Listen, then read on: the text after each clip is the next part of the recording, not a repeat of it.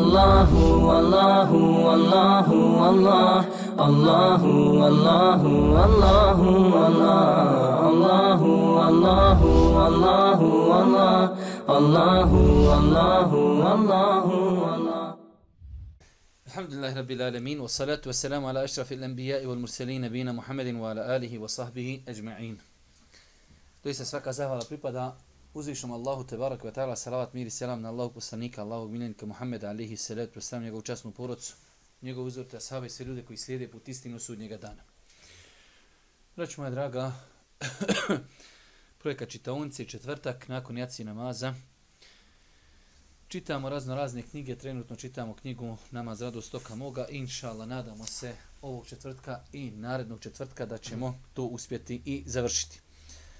Najvjerojatnije nakon toga imat ćemo još jedno predavanje pred Ramazanski neki savjeti. Dolazi nam Ramazan, ko može na umru, ko ne može, neko ovdje i badeti u Bosni. Posle Ramazana se inšala vraćamo sa najvjerojatnije novim terminom kad ćemo inšala imati termin od Akšama do Jaci. Opet. E, mi smo prošli put počeli da govorimo, odnosno da čitamo treći dio ove knjige, mi smo rekli da knjiga Namaz radost oka moga tretira tri stvari. U prvom dijelu govori se o bitnosti namaza, isto tako govori se o opasnosti ostavljanja namaza, drugi dio govori o određenim greškama kako za namaz, tako i za određene druge postupke i ibadete koji su usko, direktno i indirektno vezani za namaz. Treće poglavlje, možda i najpotrebnije poglavlje, jeste poglavlje skrušenosti u namazu. Ne znam da li ste slušali, ja sam više puta ponavljao da ova knjiga, ona je pokušaj da dadne odgovor na sve grupacije ljudi koje imamo u našem društvu. Pa onaj prvi dio knjige je posvećen ljudima koji ne klanjaju nikako. Da bi se kod njih pobudila želja za namazom, a isto tako da se malo i zastraši što ne obavljaju redovno namaz. Drugi dio je posvećen populaciji koja već klanja, ali ima određene greške. I treća, to je onaj vrhunac neki, da ljudi koji klanjaju, znači treba im pomoći da namaz dožive hajde da kažemo, na što potpuniji način, sa što većom koncentracijom. Pa smo u prošlom predavanju govorili određene uvodne stvari, govorili smo o bitnosti, skrušenosti u namazu, govorili smo čak o propisu, citirali smo govor Ibnul Qajima, Ibnu Tajmije, da je velik broj učenjaka smatrao da je koncentracija u namazu vađib, što je svakako jako mišljenje i što je svakako bitna stvar za nas muslimane da znamo da da je to nešto bitno i da nije nešto čime se treba poigravati. Govorili smo o opasnosti brzo klanjanja, govorili smo kako je Allah poslanik ali se letu se nam skrušeno obavljao namaz i od večeras počinjemo konkretno govoriti o načinima i metodama kako i na koji način konkretno čovjek može da pojača svoju koncentraciju namazu, da taj namaz bude inšala odmor, da taj namaz bude odgoj. Odmor i odgoj da taj namaz ne bude težak čovjeku. Veli broj ljudi kada hoće početi klanjati redovno, ustraše se namaza. Kako pet puta klanjati? Da mu kažeš pet puta treba otići pojest sladoled, to je ok, ali pet puta klanjati to je nešto strašno, teško. Svakako da je to teško jer šitan to tako prikazuje. Pa ćemo početi od večeras ako Bog da govoriti o načinima, metodama, kako i na koji način da čovjek E, doživi taj svoj namaz skrušeno. Svakako tek tako obavljen namaz. Vidjeli ste, prošli put smo citirali na hadis kad dolaži Božijem poslaniku, kaže Allah poslaniće, čovjek klanja noćni namaz, ali sutra dan osvane i od nekoga nešto ukrade. Pa kaže Allah poslanik, ali se leto sram, njegov namaz i njegov kiraje će njega spriječiti od toga. Pa še Albani, kada komentariše taj hadis, kaže tu se misli na osobu koja bude klanjala svoj namaz skrušeno, razmišljajući onome što uči, to što uči će njega, ako Bog da, odgojiti i spriječiti od loših postupaka. Inna salate tenha anil fahša, doista namaz odvraća od svega što je loše. Tako da e, cilj citiranja ovih načina jeste da mi taj namaz doživimo kako treba, a nakon toga da taj namaz ostavi traga na nas, da, hajde da kažemo, nas priči od, o loših postupaka. Prva stvar, po meni možda i najbitnija stvar, jeste spoznaja Allaha Đelešanu. Ako čovjek istinski spozna veličinu Allaha, i činjenicu da čovjek u namazu stoji pred gospodarom, onda će to definitivno biti razlog da čovjek, hajde da kažemo, svoj namaz doživi na jedan drugačiji način. Vi zamislite, uzmite bilo koji neki nezgodan dunjalučki moment, kad vam neko kaže trebate ići, ako se kad imamo priliku kod nekog ambasadora, kod nekog direktora, kod nekog ministra, pa ti staneš, pa ne znaš šta bi rekao, pa se zbuniš, pa prije nada na dva razmišljaš šta bi ja to rekao, kako bi ja to kazao, pa kako ću se obući, kako ću izgledat i tako dalje. E zamislite, zbog bitnosti tog čovjeka, zbog njegove funkcije, zbog, zbog i tako dalje. Zamislite onda kako bi trebao da izgleda čovjekov moment stajanja pred gospodarom Allahom subhanahu wa ta'ala, ako znamo da je on gospodar zemlje i nebesa, a, mi ćemo inšala o tome malo, malo detaljnije govoriti u ovom prvom načinu. Da čujemo šta nam se kaže. Šta povećava koncentraciju i skrušenost u namazu? Uh -huh. U ovom poglavlju pokušat ćemo spomenuti srž onoga što su islamski učenjaci u svojim knjigama govorili o načinima i metodama postizanja skrušenosti u namazu, što je možda i najbitniji dio ove tematike. Vidite, ja sam ovdje naveo da je to srž, jer ja sam prošli put spominjao u arapskom jeziku, primjer radi šejh Said al-Qahtani, napisao je knjigu 400 stranica koja govori samo o skrušenosti ali ja sam pokušao da nešto ovdje rezimirano spomenem, nešto što, što nama može koristiti, nešto što mi praktično zaista možemo uraditi. Ima tu, da kažemo, mnogo drugih nekih metoda koje, hajde da kažemo, možda i nisu adekvatne za naše podnevlje, tako da ovo što sam ja spomenuo, ja sam pokušao da to budu neke najjednostavnije metode, nešto što zaista praktično možemo mi isprakticirati, da to ne bude neka e, ajde da kažemo teorija, teorija, doživi namaz, doživi namaz, ništa. Ne, ja sam pokušao zaista da spomenem neke stvari koje su praktične, koji se mogu uprakticirati i koji mogu, ako Bog da, poboljšati naš namaz. Da vidimo. Neki od tih faktora pribavljaju očavaju koncentraciju, a drugi se pak odnosi na izbjegavanje onoga što dekoncentriše klanjača. Imamo znači dva, dva načina da, da pojačamo koncentraciju imamo faktore koji povećavaju koncentraciju, imamo faktore koji nas dekoncentrišu.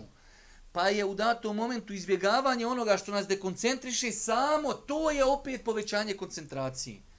Pa imamo znači metode izbjegavanja onoga što nas dekoncentriše. Vi zamislite, ja sam na primjer znao biti nekad, možemo navesti neki drugi primjer, ali čovjek klanja u džami, ispred njega je prozor. Ispred tog prozora prolazi neko, non stop ulica. I ti tu kad klanjaš tebe tu dekoncentriši. Kad odeš klanjati na drugo mjesto, ti si već, hajde da kažemo, udario jedan temelj koncentracije jer si otišao od onoga što te dekoncentriši. Allah poslanik ali se letu sam kao što je došlo u hadisu Buhari muslima, jedne prilike je klanjao u odjeći, u to vrijeme u odjeći koja imala po sebi pruge. E, ovo je sad, ovo je gotovo šarenko Pinokio.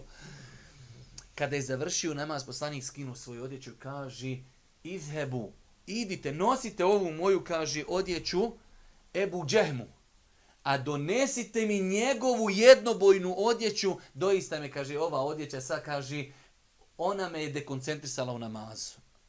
Allahovu poslanika dekoncentrisala odjeća u to vrijeme, kakve su to šare bile, to nije moglo nikako da bude nešto kakve mi danas šare imamo, kakve mi danas dođeš ispred tebe čovjek na leđima mu Bruce Lee, na leđima mu Korida, na leđima mu natpisi, na e, Pepsi, ti cijelo vrijeme klanjaš i cijelo vrijeme sam se oblizivaš, Pepsi ti curi iz usta.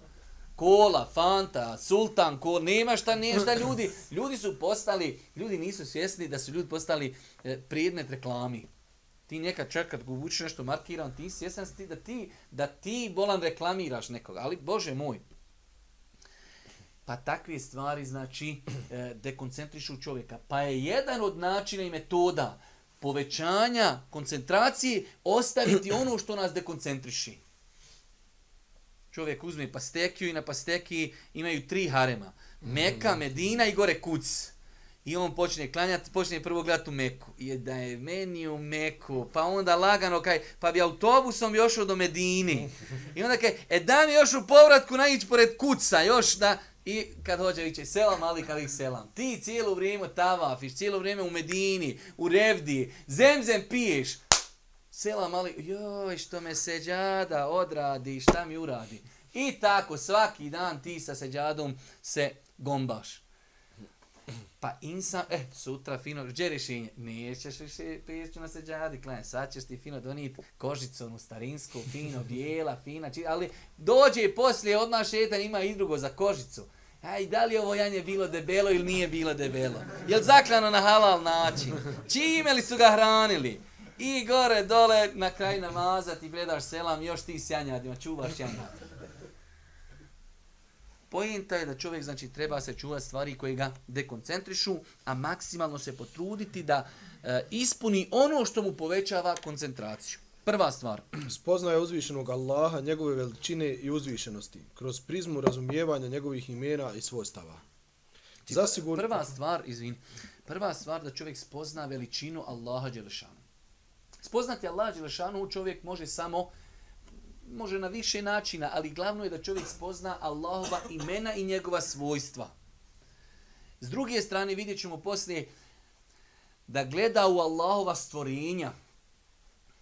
Vi danas e, primjer radi Allah Đašanu u suri Mulk kaže pa pogleda jednom u nebo, pa vrati pogled, pa dva put, pa tri put. Zašto Allah ljude poziva da pogledaju u nebo kako je savršeno? Ima li, kaže, nekog nesklada na nebesima? Nema. Šta nam to ukazuje? To nam ukazuje na veličinu Allaha. Kada vidiš, pogledajte kod nas, malo, malo zove neko policiju, sudarili se. Kod nas, mi što god napravimo u nas, nema sklada. A pogledajte kako su nebesa u skladu. Sunce izlazi, sunce zalazi. Zvijezde, što misliš da smo mi zvijezde? U, u, u nas je sevjerna će jedan dan bila na istoku, jedan dan na zapadu. Poremetilo se. U, nestalo struje. Nema kod Allaha Đelešanu da je nešto fali. Na šta to ukazuje? Na veličinu gospodara. Pa spoznaje Allaha kroz njegova imena, kroz njegova svojstva, kroz njegova stvorenja razmišljanje o njegovim stvorenjima i nakon toga definitivno da će to ojačati čovjekov iman, ojačati čovjekov respekt, strah, poštovanje prema uzvišnom Allahu subhanahu wa ta'ala. Zasigurno najbolji način za povećanje prisutnosti u namazu, istinska spoznaje veličine uzvišenog Allaha. Kada saznamo, kada spoznamo veličinu svoga gospodara, to će neminovno ostaviti traga na nas i naše ibadete. Spoznati Allaha možemo na više načina, a spomenut ćemo samo dva najbitnija. Pod A, izučavanje i ispravno razumijevanje njegovih savršenih imena i svojstava. Onaj koji izučava, izučava ispravno razumije Allahova imena i svojstva, neminovno će spoznati veličinu gospodara, a to će ostaviti velikog traga na njega i njegovo obavljanje ibadeta. Mi ćemo sad spomenuti neka imena, Mirza će jedno ime spomenuti, ja ću samo kratko komentarisati. Samo, znači ovo je najkraće što se može spomenuti o gospodaru, a vidjet ćete, vidjet ćete ko, koji su to opisi kroz imena uzvišnog Allaha subhanahu wa ta'ala. Pa kada insan izučava e, Allaha Đelšanu imena i njegova svojstva, tek tada svati, tek tada svati veličinu i veličanstvo svoga gospodara. Zato sam ja ovdje dole u fusnoti i namjerno stavio e, da najbolja knjiga koja je napisana na bosanskom jeziku jeste knjiga Sanela Ramića, šeha naših, e, u dva toma u kojoj je e, govorio o Allahim Đelšanu imenima i svojstvima. I moj je savjet svima onima koji mogu da nađu knjigu, evo sad je sajam knjiga, iskoriste vrijeme, otiđite, nabavite sebi tu knjigu. Allah najbolje zna možda nakon Kur'ana i nakon neki možda jednu, dvije knjige, ovo je jedna od najbitnijih knjiga koja bi trebala se nađe u vjerničkoj kući.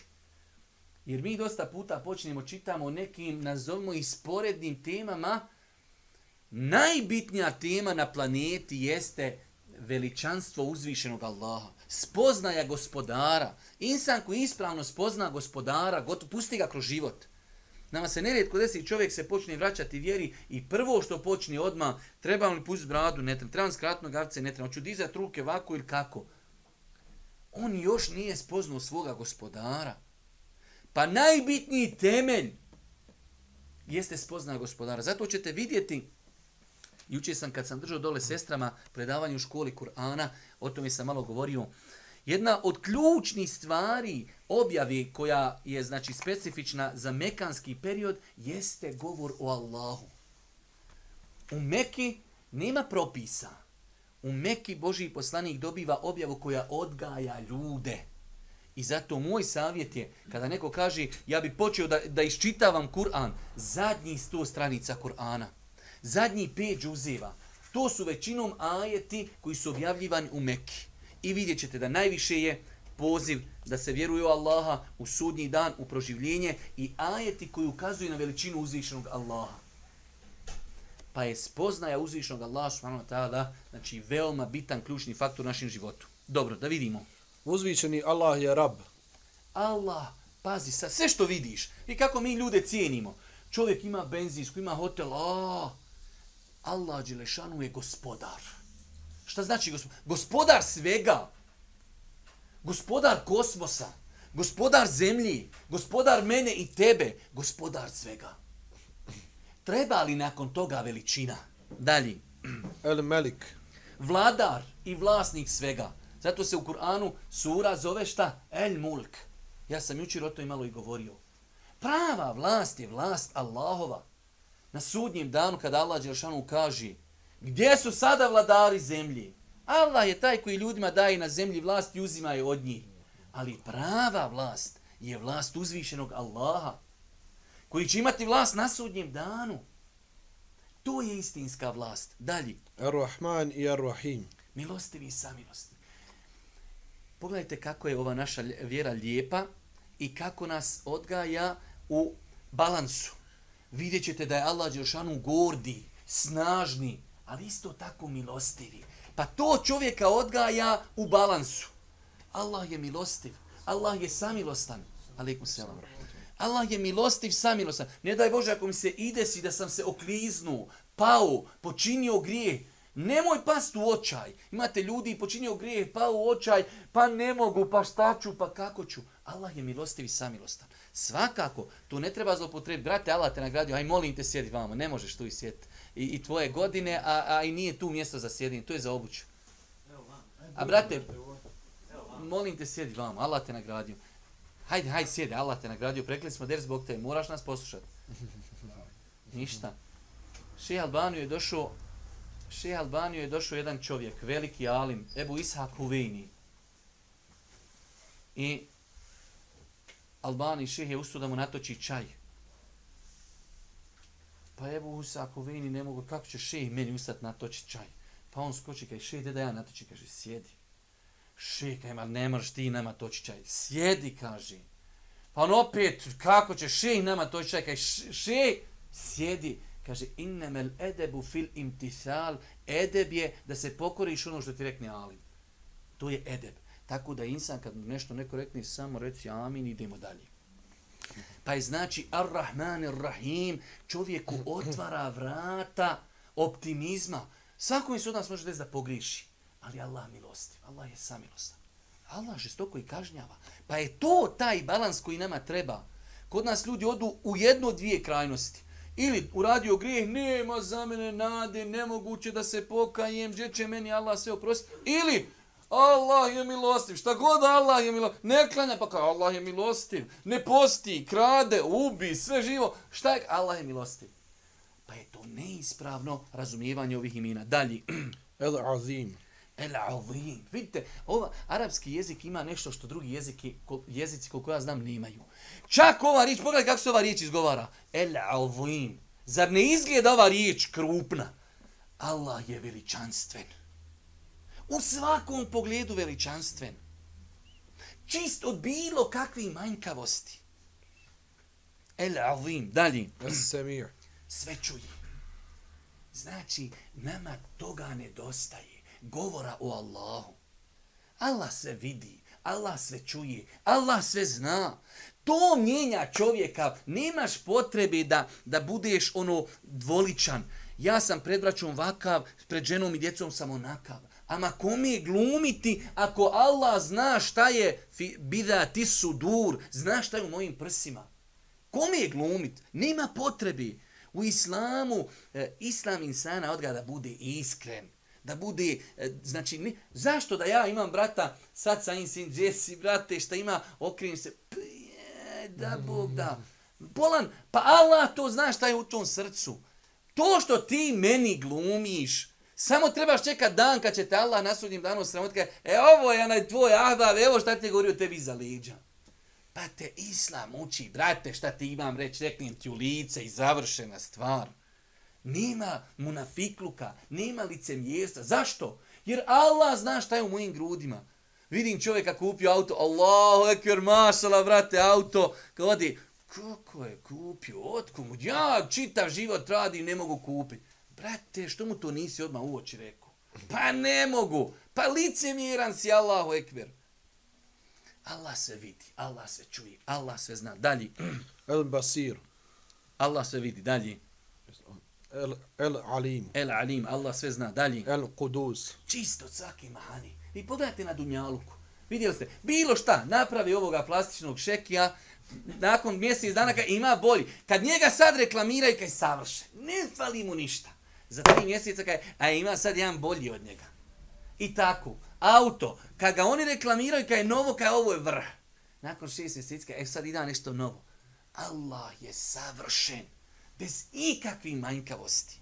Dalje, El Mutekebir, gordi.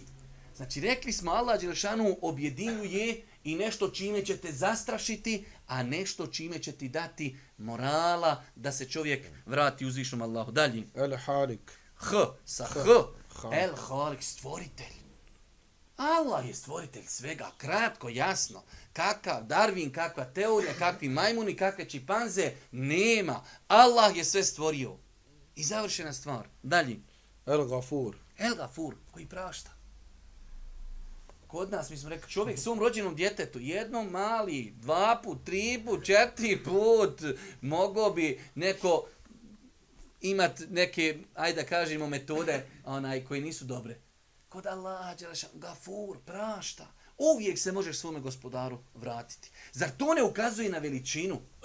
Dalje. El Razak, Ar-Razak, onaj koji daje na faku. Vjerujte, i ja prvi imam sa tim problema. A ima nakon toga sa planeta.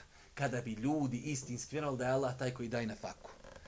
Nestalo bi pola problema, minimalno pola na planeti problema. Danas, danas većina problema na planeti jeste zbog nafti, zbog para, zbog kriminala, zbog krađa. Ar-Razak. Kada bi se sva planeta okupila ti povećaju tvoju nafaku za euro jedan. Ne mogu ono što ti je propisano doći ti. Ono što ti nije propisano, nemoguće. Nemoguće. Ar-razak. Allah Žešanu daje pticama na faku, zmijama sadaku, ribama u vodi. Pa zar tebi da ne dadni na faku? Pa čovjek iz zajtra ode na posu, nije klanju saba. A kajem, farz je rad, farz je klanjat, a nakon toga ić radit. Pa trči za nafakom, a zaboravio na onoga koji daje na faku. Dalje. El Halim, Blagi. Allah jeste gordi, ali isto tako i blagi. Dalje. El Raqib, U nas, u nas, pogledajte kakvi su ljudi. Kad kaže, ovaj je blag, on je blag. Nema čovjeka, ovaj je blag i žestok. Ne, to ne, kod nas nema.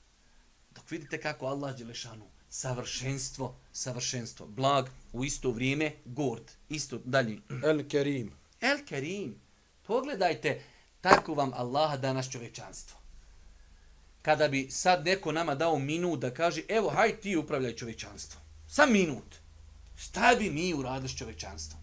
Daj odma ove koji su glavni, glavi, glavni problematičar na planeti, daj da to odmah sankcionišemo. Ali pogledajte kako je Allah subhanahu wa ta'ala i Kerim, pre, evo prema meni, koji imam grijeha, samo Allah zna koliko. Opet je Allah daje na faku i daje ti, e, daje ti zdravlje i na faku i porod i sve. A koliko je ljudi na planeti koji su koji su svakodnevno nepokorni uzvišenom Allahu subhanahu wa ta'ala. Dalje. El Haq, El haq, apsolutna istina. El Hay, Vječno živ. Vidite, na Dunjanku sve bude, dostigne neki vrhunac i pada. I čovjek, i zgrade, i sve živo. A pogledajte Allah Đelšanu, vječno živ. Dalje. Es Samet, Es Samed. Nažalost, i ja prvi, ja uvijek počnem od sebe. Koliko puta učimo kul huwa Allahu ahad, Allahu Samed. Vjerujte, kada bi ljudi razumijeli riječ Es Samed, odnosno ime Allahu Đelšanu, Es Samed, utočište svakome. Ma da se tvoj život promijeni. Gospodar moj je utočište i meni i svima ostalima. I kad pogriješim i kad imam potrebu, utočište mi je kod uzvišnog Allaha subhanahu wa ta'ala. Nema znači, ne bi bilo pesimizma, ne bi bilo potrebe za antidepresivima. A meni je utočište kod Allaha. Ja od njega tražim oprost grijeha. Ja od njega tražim na faku. Ja od njega tražim da mi pomogne u problemima i tako dalje. Utočište i to ko... mi je utočište. El Samed. Dalje. Et tewab. Et tawab. Onaj koji prima pokajanja. Čak kaže ulema neka et tawab. Onaj koji ljudima daje inspiraciju da se pokaju. A i nakon toga prima im pokajanje. Ja znam, meni su, mene su tijeli i danas dan hoće da mi ispali na Mars zbog te teorije. Ne mogu ljudi da svati da čovjek ne poziva grijehu ako poziva tome da se ljudi mogu pokajati. Ljudi ne mogu da razumiju tu tezu. Evo imamo čovjeka već u Belaju. Imamo dvije ljudi verzije. Da mu reknemo možeš se, brate, pokajati, mu reknemo ostani čitav živ problematičan. Neka, neka ga, neko, nemoj da bi se slučajno popravio. Kaže, kod ovog peša svi se mogu pokajati. A ba nije kod Pezića. U vjeri islamu svi se mogu pokajati. Čovjek da je 60 godina bio kriminalac, ima mogućnost se pokaje. Dosta puta ljudi to sa, pa dobro, idem rad grijehe pa će se pokajati. Ima čovjek mogućnost, da li će u njegovom srcu poniknuti želje za pokajanjem. To je pitanje. Ali svako se može pokajati. I Allah će svakom je primiti pokajanje ako bude iskren i ako se u tom pokajanju ispuni ispune uvjeti te ubi. Dalje. El Karib. El Karib. Šta mislite da čovjek ima neprestanu na umu činjenicu da je Allah blizu? Blizu svojim znanjem. Allah subhanahu wa ta'ala iznad sedmog neba, iznad arša. Ali svojim znanjem je blizu tebe. Sve čuje, sve zna, sve vidi. Vjerujte, naš bi se život promijenuo. 100%. Apsolutno 100% da ti imaš neprestano, evo ja sam navodio nekad primjer, vjerujem da je svima nama, inša Allah, evo šest safet autoritet. Šta misli da kaže šest safet, jedan, evo ja ću cijeli dan dan s tobom biti. Brate, ti bi tek tada vidio kako si ti lijepa ruda, kako si ti fin, instinkte. I rekao ću, pa ja ne znam sam ovako dobro šeću. Ja nisam znao da veliko mogu zikri čoveče. Nisam znao da veliko učim Kur'an. Nisam znao da ovako srčano selam nazivam. Nisam znao da sam ovako dobar. Trebao si ti jedan dan da budeš pored mene, da, da razotkriješ u meni te sve dobre moje onaj osobine. Zašto? Pa ši, pa ne, pa da bili preći, gleda utak, pa ne mogu ši, je tu sad. Ja sam zikriju, sam bi šućuro, sam bi, sam bi čitao knjige, sam bi selam ljudima nazivo. Ši, pored mene, moram se ja sad pokazati da sam vrh. Subhanallah il azim, ima li čovjek taj osjećaj da ga Allah zašto neprestano vidi i čuje. I tu dođe ono što on kaže na početku, spoznaje Allah, to je najbitniji faktor. Kad spoznaš Allah, završena stvar. Kad ne spoznaš Allaha, najveći neznalca, čovjek može izumit i tankere i avione i laptope i ne zna Allaha, najveći neznalca. A zato ste vidjeli onu, uh, onu robinju dovodi onaj ashab i kaže Allah poslanik, kaže ejn Allah, kaže gdje je Allah? Kaže na nebu. Men ene, ko sam ja? Kaže ti si Allah poslanik. E, tekha, kaže, pusti oslobodi je, mominka, čoveče iz pustinje, robinja, zna za Allaha, zna za poslanika, pusti je, kaže, to je mu'minka, spoznala Allaha subhanu wa ta'ala. Dalje. El Gani. El Gani, neovisan. Znači, mi ljudi možemo svi doći i kažemo, hajmo svi biti ni pobožni. To Allah ne znači ništa. Hajmo svi biti razratni. Allah, neovisan o svima. Nima potrebe ni za, kom, ni za kim od svojih robova. Ti ako klanjaš, klanjaš sebi. Znaš, ljudi, on, eto, on bi nešto ko malo da vjeru praktikuje i 15 dana, 20 klanja, ako, pa i dalje mi sve nešto stoji, ko ništa mi nije spalo, nikakav, nikakav, kak se zove onaj što donosi paketiće s bradom? Deda mraz. Deda mraz. On bi oče, kao ja sad sam pošao klanj, treba mi neki paketići mi spadat, nešto mi dolazi. Brate, pogrešna percepcija. Ti bolan robuješ Allahu jer ti trebaš Allaha. Ti si potreban njegove milosti. Ti si potreban njegovog dženeta. Nikako da uzvišeni Allah ima potrebu za cijelim čovječanstvom. Dalje. El Hadi. El Hadi. Onaj koji upućuje. Vjerujte. Najbitnija stvar u životu je ti uputa. A ne možete niko uputiti do Allah subhanahu wa ta'ala. Mogu ti ljudi pojasniti dođu ljudi i kažu slušaj, ovo je knjiga, ovo je kaseta, ovo je CD, ovo je, ovo je ders, de poslušaj sve. Ali da ti se srce otvori i da iman u njega uđe, to ne može niko do Allah subhanahu wa ta'ala. Pa ako to spoznam, onda je najpreće da ja pazim i tražim uput od Allaha. Festehduni ehdikum, u onom velikom hadisu od Ebu Zerra, ja ibadi, onaj poznat hadis, čitali smo ga ovdje kada je bilo 40 hadisa, imama Nevija kaže, Allah Đeršanu hadis kuci, festehduni ehdikum, tražite od mene uputu, pa ću vas uputiti. Ali isto tako, čovjek ako je upućen, treba da je svjesan da je to najveća blagodat. Da se ne poigrava. Nama se desi čovjek, Allah ga uputi napravi put. I on to njemu, kod je to, kod je to šaka oraha u džepu. Brate, čuvaj svoj iman, čuvaj svoj islam, čuvaj svoju uputu. Nema teže situacije. Za ovo večeras napamtite dobro. Mnogo je lakše poziva čovjeka ateistu i nevjernika u islam nego čovjeka koji je bio u islamu pa se odmetno od islama. Mm, to je najteži slučaj. Zato čuvaj svoj iman, čuvaj svoj islam. Ne može ti niko dati iman do uzvišeni Allah subhanahu wa ta'ala. Dalje. El muhit. El muhit. Sve obuhvati. Dalje. En nasir. Pomagač. Vidjeli ste Allah poslanik dolazi u bitci na bedru tamo hiljadu ljudi i to došli s ciljem u borbu. Ponijeli oružje.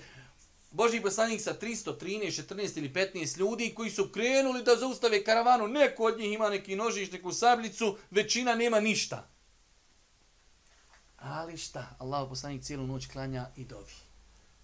Sutra počela bitka, opet dovi. Kaže Bekur, dosta Allahu poslim, nemoj nasrtat na svog gospodara. En nasir, pobjeda od uzvišnog Allaha subhanahu wa ta'ala. Pa Allah je taj koji pomaže svoje robove. Isto tako. El galib.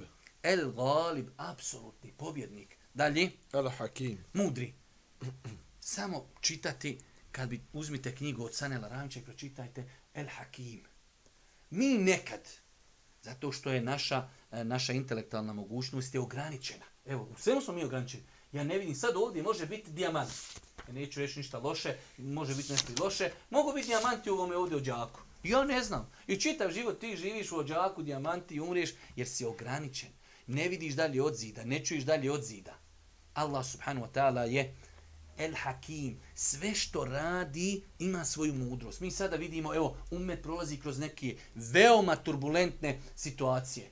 Pa ja sam slušao, i svi mi slušam, pa ja, ono, ima li taj gospodar kad ljudi dođu, šta ovo se dešava umetu?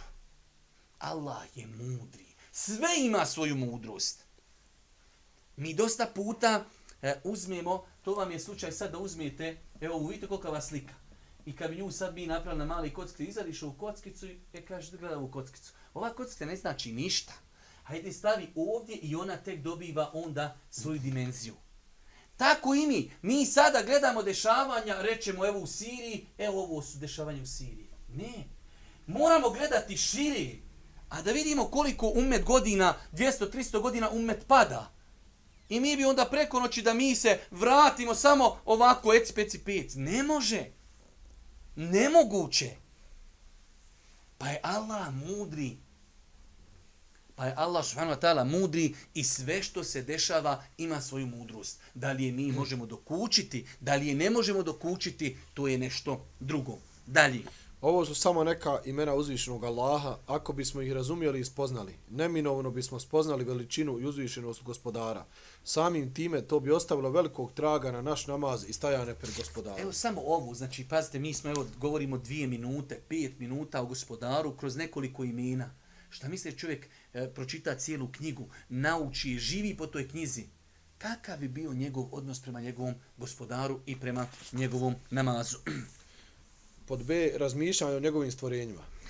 E, mi ovdje imamo dosta ajeta, ja sam volio da neke stvari e, da neke stvari spominimo, ima ovdje dosta ajeta, ali ćemo mi to e, preskočiti, ali generalno razmišljanje o Allahovim stvorenjima, o tome su malo prije govorili. Allah subhanahu wa ta'ala stvorio zemlju i nebesa. Wa fi أَفَلَا تُبْصِرُونَ i u vama samima su dokazi. Pa vjerujte, ja ne mogu da vjerujem da ima čovjek koji je studira medicinu i ne vjeruje u Boga. Kada vidite savršenstvo ljudskog tijela, Do najmanju sitnicu kada ti ljudi počnu ono uzme na, na zumirati tvoju kožu, pa kad ti počne tvoju dlaku, kad u, i sve ima svoju funkciju i sve je u redu i se, pogledaj nervni sistem, pogledaj oči, pogledaj bubrege, pogledaj srce, pogledaj kosti, pogledaj kožu, pogledaj gdje god da, da pogledaš, nema sve apsolutno savršenstvo. Pa gledanje u Allahova stvorenja, zemlja, nebesa, zvijezde, sunce, mjesec, kiša. Allah Đelšanu, evo na dosta mjesta, govori o kiši. Spušta kišu, pa oblaci, pa planine, pa zemlje, pa rijeke, pa mora. Koji je to sklad? Koji je to savršenstvo? Koja je to potpurs? I dođe i kaže, majka priroda, porodila se majka priroda i ovo sve rodila. Pa što mama priroda meni Mercedes jednog dana ne rodi pred zgledom? Kaže, evo mama donila priroda, eto, ajdi ti pješću provozaj malo novi Mercedes. He, će se majka priroda porod tako. Ali se porodila, eto, rodila je sunce i mjesec i zemlja i majka priroda, nastalo je sva to, ne, svašta nešto, ali e, neće ti Mercedesa doni, Boga mi moraš tri pršljena minimalno švabi za njega dati. I to za polovnog, za novog, moraš da ti više. Pa Allahova stvorenja ukazuju na njegovu veličinu. Isto tako, e, mi ćemo ovo e, preskočiti, ja, oni koji imaju knjigu, znači ove ajete, ja sam probro dosta, dosta ajeta koji govori e, o veličini uzvišnog Allaha subhanahu wa ta'ala. S druge strane, e, to je ono što mi vidimo. Šta to znači? Mi vidimo zemlju, vidimo nebesa, vidimo zvijezde. Pazite, koliko smo mi, e, mi smo toliko oholi, a s druge strane koliko smo mi slabi. Mi još nismo, mi ne znamo koliko ima kosmosa, gdje je kraj. Još mi neke hubele izmislamo, ne bi li oni tamo našli gdje, gdje je kraj. Ne znaš. Amar, nisi to istražio, ne možeš sam skonta dok gdje je kraj. Kamol da si ti to nešto istražio? A to je nešto što mi vidimo. Zamislite nešto što mi ne vidimo. Šta mislite postojanje u isto vrijeme džinsko-šetanski svijet? Koja je to savršenstvo uzvišnog Allah subhanahu da je stvorio dva svijeta? Džinsko-šetanski svijet i naš svijet. U isto vrijeme. Oni nas vide, mi njih ne vidimo. Šta mislite o ahiretu? Mi vjerujemo musliman da ima džennet i džehennem već stvoren, postoji. Veličina džehennema. 70 godina kamen spada. I od vrha do dole pada, za 70 godina padni dole. 70 godina. Sad uzmiš kamen, evo, avion leti na 10.000 gore. I baciš kamen, koliko, ne znam nije, ali spašće za minut i po, dva će spas sigurno na zemlju, evo za 10. 70 godina pada kamen. Jedne prilike Allah poslanik sjedio sa sadma, pa su čuli neki tu pudar. Kaže Allah poslanik, znate šta je ono? Ne znam. Kaže, tu je kamen. Bačen je sa ivice džehennema prije 70 godina. Danas je pao na dno. Šta ti treba dalje? Šta to ukazuje? To ukazuje na veličinu uzvišenog Allaha subhanahu wa ta'ala. Pogledajte opise melika. Koliki je jedan melek, kaže Allah poslanik, dat mi je izun, dozvola, uzine li, da pričam samo o jednom meleku koji nosi prijestolje uzvišenog Allaha. Znači nešto što, što, što čovjek u mozak ne može više, ne može nikako razumjeti tolika veličina, a koliki je onaj koji to sve stvorio. Pa kada čovjek ove stvari shvati, braću moja draga, nažalost velika većina nas to ne sveta. Tada bi naš namaz bio drugačiji, apsolutno. Da ti si svjestan pred koga staješ. Staješ pred gospodara Allaha subhanahu wa ta'ala. Dalje, broj dva. Lagano i umjereno klanjanje daleko od uđurbanog obavljanja namaza. Mhm. -huh. Jedna od metoda putem koje klanjač može povećati koncentraciju i skrušenost je smireno klanjanje. Veliko pravilo glasi da se skrušeno i brzo obavljanje namaza dvije suprotnosti koje se ne mogu spojiti. Hoćeš, znači, e, svako bi od nas trebao lagano da čita ovu knjigu i svaki dan po jedan ovaj praktikuje e, savjet. Prvo pravilo se kaže, nema žurbi. Žuriš, id nešto obat, pa se vrati, pa klanjaj polako ali brzo klanjanje i skrušeno klanjanje isto magneti. Ne možeš ih spojiti nikako. Brzo klanju nisi skrušeno. Klanju polako, to je inšala pred uvjet da bude skrušeno. Pa prva stvar jeste skrušeno klanjanje, iziskuje da se klanja polako. Šta kaže Ibn Kajim, to smo prije čitali, ali zbog bitnosti. Kaza Ibn Kajim, nemoguće je postići skrušenost u namazu brzim klanjanjem i klucanjem. Šta više, skrušenost se ne može postići osim sa smirenošću. Pa kad god povećamo smirenost, povećavamo skrušenost. A kad god se smanji skrušenost, poveća se brzina klanjanja. Znači formula 1 plus 1. Brzo klanjat nije skrušeno. Sporo klanjat, to je put ka skrušenosti. Dobro, da vidimo ovaj hadis, on nam je interesantan od, Abdurrah, eh, od Abdurrahmana ibn Šibla. Od Abdurrahmana ibn Šibla radi Allahu anhu prenosi se da je kazao Allahu poslanik sallallahu alejhi ve sellem zabranio je kljucanje vrane. Sjedenje kao što to čine divlje zvijeri i neprestano klanjanje na istom mjestu u mešdžidu, kao što se deva u toru uvijek spušta na istom mjestu. Tri stvari Allahu poslanik zabranio koji su vezane za namaz. Sad ćemo vidjeti u komentaru šta kaže. Kazao je El Hattabi. Kazao El Hatabi, riječ Allahog poslanika, kucanje vranje, znači da se klanjač ne, smi, ne smiri na seždi onako kako bi trebao da spusti čelo na seždu i da se tako na seždi smiri, već to čini tako da samo dotakne pod svojim nosom ili čelom i odmah ih podigne, kao što to čini ptica kad kluca. Vidjeli ste, znači, kad vrana, evo ovako, kljuca, e tako, znači, imaš ljudi, ja sam o tome govorio kad smo govorili o greškama na seždi, samo spusti čelo i odmah ide nazad. To je, e, to je, znači ti kljucaš u namazu. Poslanik je zabranio kljucanje vrani, oponašanje vrani u namazu.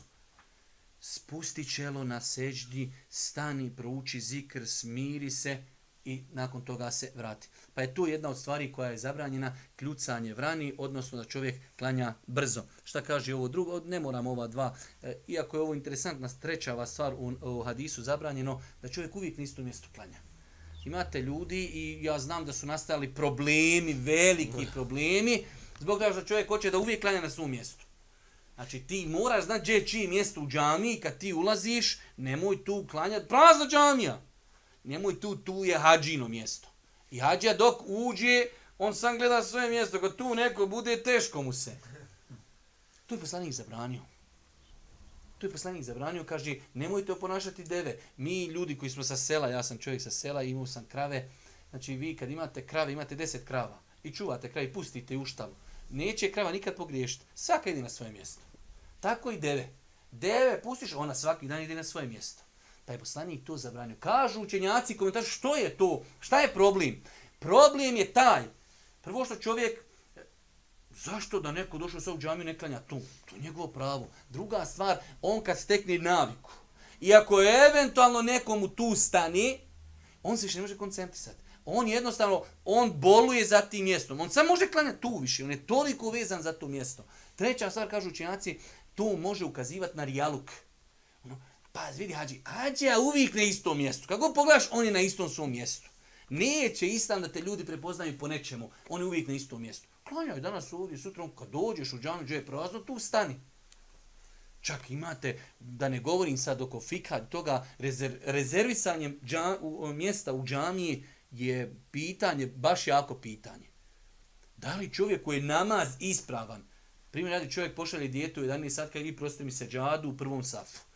I poslije on dođe u 12 sati, ljudi ono sve oko seđade, mene niko na seđadu i ti klanjaš na toj seđadi. Rezervisano mjesto u džamiji. Ima u koji kaže takav namaz nije ispravan. Na osnovu čega rezervisati mjesto u džami? Hađi, hoćeš da budeš na svom mjestu, dođi, brate, na vrijeme i to je to. Ne, svi džamija, puna ljudi se natiskali ovako, ali ovdje je prazno, sad će doći hađa na svoje mjesto. Hađi, brate, za vrata i završena stvar. Jer je to zabranio Boži poslanik, alihi salatu, veselam. Nakon toga smo citirali onaj eh, poznati hadis u Buhari, muslim da je Boži poslanik govorimo u kontekstu brzo klanjanja. Boži poslanik vidio čovjeka brzo klanja, pa ga je tri puta vraćao. Irđa, fe salli, fe inneke, lem tu salli, vrati se, klanjaj, nisi klanjao. Proglašava Boži poslanik njegov namaz neispravnim iz jednog razloga, jer je brzo klanjao. Ovaj hadis drugi nas od Ebu Hureyri interesuje, pa ćemo završiti sa njim i prelazimo na treću stvar. Od Ebu Hureyri radi Allahu anhu prenosi se da je kazao Allahu poslanik sallallahu alaihi veselem jedne prilike nam je klanjao podni namaz. Kada je završio i predao selam, pozvao je čovjeka koji je klanjao posljednjim safovima i kazao mu, Insanu, Zar se ne bojiš Allaha, zar ne vidiš kako klanjaš? Znajte da kad god neko od vas ustane i dobavi namaz, tada doziva svog gospodara, pa neka dobro gleda kako će ga dozivati. Vi mislite da vas ja ne vidim kada klanjate iza mene, a ja tako mi Allaha vidim iza svojih leđa kao što vidim ispred sebe. Šta mislite? Ovo je razlika između ashaba i poslanika i nas i naših, da kažemo, ljudi koji nam tumače vjeru. Šta mislite da, da u nas neko smogne hrabrost vidi čovjeka brzo klanja ili nešto i da ga evo ovako da mu rekli, insanu, zar se ne bojiš Allaha, zar ne vidiš kako klanjaš? E neće, a tebi sine više nikad u životu ni doći u džamiju. Danas si me vidio tu, više me nikad neš vidjeti. Ne smiješ, kod nas ne smiješ nikom ništa reći. Ja ovako naučio od mog djede, moj djedo od svog djede i ti sad vehabija došao iz Medine da meni kažeš da ovo moje ovako ne velja. Nema teorije. Znači ja ću ovako klanjat i završena stvar. Poslani pogled, ovo je poprilično že...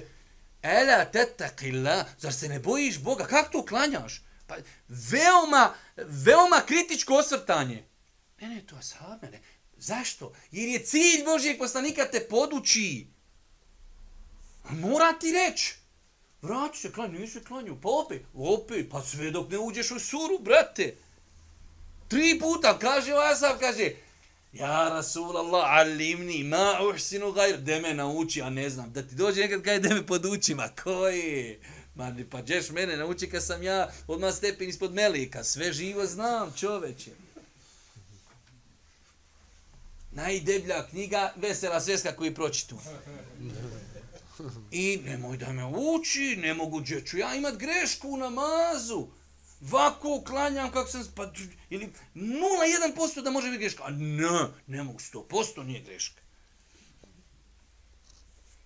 Vjerujte, ja, ja imam taj problem. Ja sam pisao u knjigu, znate, inače kad čovjek nešto nečemu piše knjigu, on je od, od toga poslije malo bolestan. Danas ja gledam čovjeka, klanja, volko mu se liđe otkrila. Ne smiješ nikom ništa reći, šuti, otkriju se, ja, rab, baci na njega čebe, pokrigaj, to je to. Ne smiješ nikom ništa reći. Da, u brzom klanjanju, nije spustio nos, nije spustio čelo, ma to, kako je sjeo, kako je se vratio s rukua, sa seždi, Allahom svevišnji se kuni. Svakodnevno to gledaš. I tako će on umr, tako će on klanjati. Nikad niko njemu neće doći, stati prije kaj, brate, hajde jednu napravimo seminar, kurs da vidimo, da naučimo kako se klanja i to je to. Zar nije poslanik rekao 60 godina će ljudi klanjati, nijedan mu nas nije primljen. Pa čoveče, šta misliš da budeš to ti i ja da to budemo? To su riječi onoga koji ne govori po hiru svome. Vjerodostan hadis poslanik kaže ima ljudi klanjaće 60 godina. Ni jedan, makar da je jedan, ni jedan. Zašto? Zato što on svaki dan isto klanja. Neće se popravi, ne mijenja ništa. Opasne stvari. Broj 3 smiren i uravnotežen, uravnotežen odlazak u džamiju sa svim adabima koje je preporučio Allahu poslanik sallallahu alejhi ve sellem. Ovdje ćemo inshallah ovo ćemo malo na brzinu pročitati i time ćemo završiti. Znači prvi večeras savjet, veoma bitan savjet i zato sam ga stavio number one, broj jedan. Znači spoznaj Allaha. I ostale stvari nisu vezane po bitnosti, ali ovo je najbitnija. Hoćeš koncentrisati se u namazu, trebaš spoznati veličinu gospodara. Druga stvar, odma drugo pravilo, odma iza njega, sporo klanjat. Brzo klanjat i skrušeno klanjat, nemoguće. Treća stvar, skrušeno klanjanje počinje, kad se klanja pogotovo u džami, ne počinje ti došao, ko što ja znam, živio sam dole 10 godina, uči i kamet u džami Božijeg poslanika. Pazite, džamija Božijeg poslanika u Haremu dole, znači ti ako nisi već u džami koliko je velik prostor, znači ti ćeš morati okazati tri sigurno rekiata dok sam dođeš. I sad naša braća iz nekih država, najviše iz Pakistana, počne učiti hođa, on bi da stigne na taj isti rekiat. Kad se oni zatrkaju, kad to, i on kad dođe, on, on do etahijatu sam diši. On neće on, njemu, razumiješ, on, njemu nije ni do čega, da mu je povrat srce zemzema, daj malo da dođe iz sebi. Pa je skrušeno klanjanje, ono, ono ne počinje stao klanjat. Ti, brate, ako se zadiho, ako si, e, ne može se početi, evo, sad ću ja skrušeno klanjati. Ne, skrušeno klanjanje ima, e, ima preduvjete, ima uvod. Pa tek onda da ti dođeš skrušeno da klanjaš. Hajde, na brzinu ćemo to samo spomenuti. Ko želi klanjati skrušeno, treba znati da pripreme za takav namaz počinju još od trenutka izlaska iz kuće ka džamiji. Pa je veoma važno da se na tom putu pridržava smjernica islamskog bontona. Uh -huh. Pod A, potpuno uzimanje abdesta i učenje dovi nakon toga. Ništa, znači vi znate vrijednost svega toga da je Allah poslanik Ali se sam preporučio. Znači čovjek hoće skrušno klanjati, ide im lagano da abdesti, iz mog tijela izlazi grijesi. Na kraju izgovaram dovu za koju Boži poslanik Ali sam kazao ko lijepo i potpuno abdesti rekne ovu dovu, bit će im otvoreno smera vrata da uđe u džennet na koja hoće. To su pripreme. To su pripreme. Broj dan. Čuvanje od neugodnih mirisa. Kaži. Džabi radi, radi Allahu anhu prenosi da je vjerovjesnik sallallahu alaihi ve sellem rekao ko jede bijeli ili crveni luk neka se udalje od nas ili neka napusti našu džamiju. Vidite, ti nekad si poduzeo faktor, ali nije neko poduzeo drugi. Ti dođeš, ja, mi, znalo se desit, staneš kranjati, razmišljaš da li da prekneš namaz ili ne čovjek, on ne znaš kako bi rekao, jel bazdi, jel smrdi, jel šta je on jadnik, jel se kupa se, ne kupa se, jel jede bijeli luk ili crveni, jel duhani, jel mota škiju, šta on radi samo, on, brate, uzdužno pet ljudi i pet uzdužno i poprično ne mogu od njega klanjati. I ti sam moliš Boga da hođa klanja i na tajna velasr, da, da te što prijatni, ti se od njega odmakniš. Pa čovjek treba paziti da druge ne uznemirava idem u džami, to je Božja kuća. Nažalost, ja ne želim nikoga zaista da prozivam, ali ti, evo primjer radi, u današnji vremenu najviše pušači, ljudi nisu svjesni koliko, e, koliko nepušačima e, odjeća pušača smrdi, pravo smrdi, da ne možeš disat. No, šta će on, jadnik, on se na to naviko i to, to vam je ono kad smo govorili za Zeničane, ono, kad odu gore na Vlašić, oni gore upadaju u nes. Jesi sami stavi pod auspuh i malo dodaju gas i dođu se, jer su naučili u zagađenu. I njima zdrav zrak je problematičan. Tako i ovi koji su, u njega je duhan ušao u odjeću i on to ne osjeti. Ali, brate, kad dođe zdrav insan, čist, on ne mere, ja sam Birvaktila živio u Usanskom mostu, pa sam imao, živio pod Kirijom kod jedne tete i oni su bili na spratu, mi smo dole bili. Allahom se kunim, djeca odu po 10-15 minuta, budu gore, a kod nje gore bilo ono, ko, ko nargila, nargila bar, znači dim, dim. Djeca ozgor dođu, samo još djete u centrifugu da ga operiš, znači sve na njima smrdi. Djeca nisu ništa, normalno djeca ne bi, nego samo boraveći u toj sredini, djeca smrdi čoveče. I čovjek takav dođe u džamiju, neće niko kod njega da klanja. Ti cijelo vrijeme samo razumiješ, ovako klanjaš. Ne možeš disati od njega. Dalje, broj eh, pod C. Prilikom izlaska iz kuće učiti propisanu dovu. Mhm. Se. Eh, dova poznata, dova i to je jedna velika dova eh, što je interesantno. Molim te prouči, pročitaj nam ovo. Kad čovjek kaže bismillahi tawakkaltu ala Allahi la hawla wala quwwata illa billah, lahka dova. Čovjek treba da se nauči gdje god da izlazi iz kuće da uči ovu dovu. Bismillahi tawakkaltu ala Allahi, la hawla wala quwwata illa billah. Pogledajte e, vrijednost ove dovi. Kada čovjek izađe iz svoje kuće, izgovori Bismillahi tawakkaltu ala Allahi, la hawla wala quwwata illa billahi. S Allahovim imenom izlazim na Allaha, se jedino osanjam, nema snage niti moći osim kod Allaha. Bude mu rečeno, upućen si, sačuvan si, zaštićen si. Nakon toga od njega se sklanjaju šeitan i govoreći jedni drugima, šta ćeš s osobom koja je upućena, zaštićena i sačuvana? Pogledajte kolika vrijednost dovi. Znači da šetan kaže šta ćeš s ovim čovjekom? Zbog tako kratke dovika i sačuvan, i zaštićen, i upućen. Kažeš, nema mi, ova, ova je ispunio sve, zaštitio se, ne mreš mu prići. Dalje. Odlazak u džamiju smireno i na vrijeme. Uh mhm. -huh. Ebu Hurere radi Allahu anhu prenosi da je čuo Allahovog poslanika sallallahu alaihi ve sellem kako kaže kada se i kametom oglasi početak namaza, nemojte na njega dolaziti žurno i trčeći, već umjerenim hodom i budite smireni i skrušeni obavite onaj dio namaza na koji stignete, a ono što, propust, što ste propustili upotpunite. Ovdje je došlo zabrana. La te tuha, nemojte dolaz na, na namaz trčeći, žureći. Polako, idi, umjereno idi. Jer sad, veko ideš, normalno što doješ u džamiju, ako si stigo, stigo, ako nisi, naklanjaj i to je to.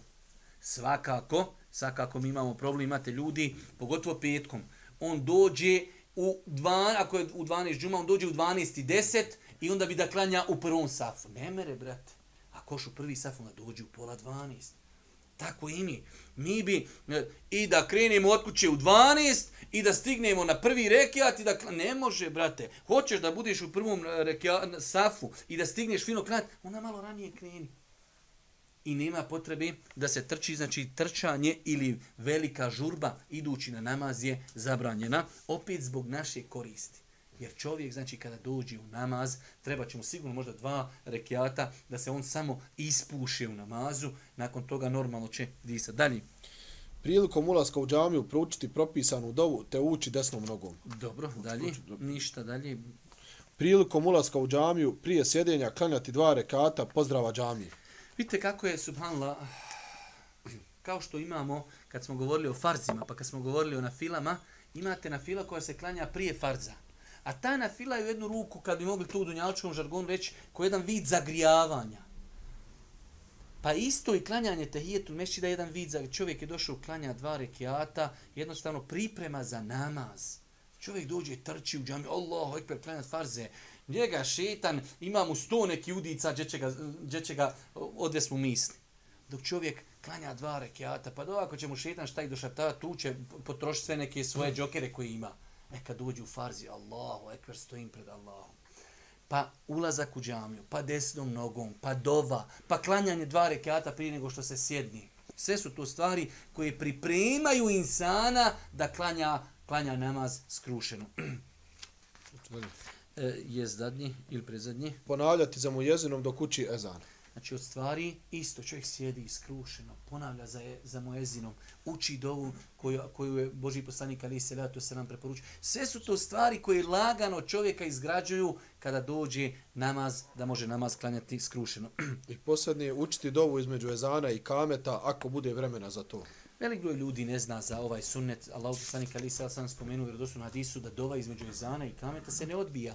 Pa čovjek treba iskoristiti vrijeme, ako sam došao u džamiju, klanjao sam sunnete, još ne uči se i kamet, da čovjek podigne ruke, a samim tim, pogledajte kako se ti pripremaš, vezuješ se za Allaha, doviš, tražiš, moliš i onda ustaješ u namaz. Ti si spreman, ti si pripremljen za razliku od osobe koja možda dođe trčeći, niti je potpuno abdestila, niti je učila zikrove, niti je klanjala dva rekiata, niti je ponavljala za mojezinom on šetan ima mnogo, mnogo veću mogućnost da njegove misli odvede u namazu od ovog insana koji od kuće krenu, pa krenuo na vrijeme, pa poranio, pa ušao u džamiju, pa klan... sve su to, sve su to velike pripreme. U svakom slučaju, molim Allah subhanahu wa ta'ala da nas učiti na putu istine, molim ga subhanahu wa ta'ala da budemo i na sudnjem danu.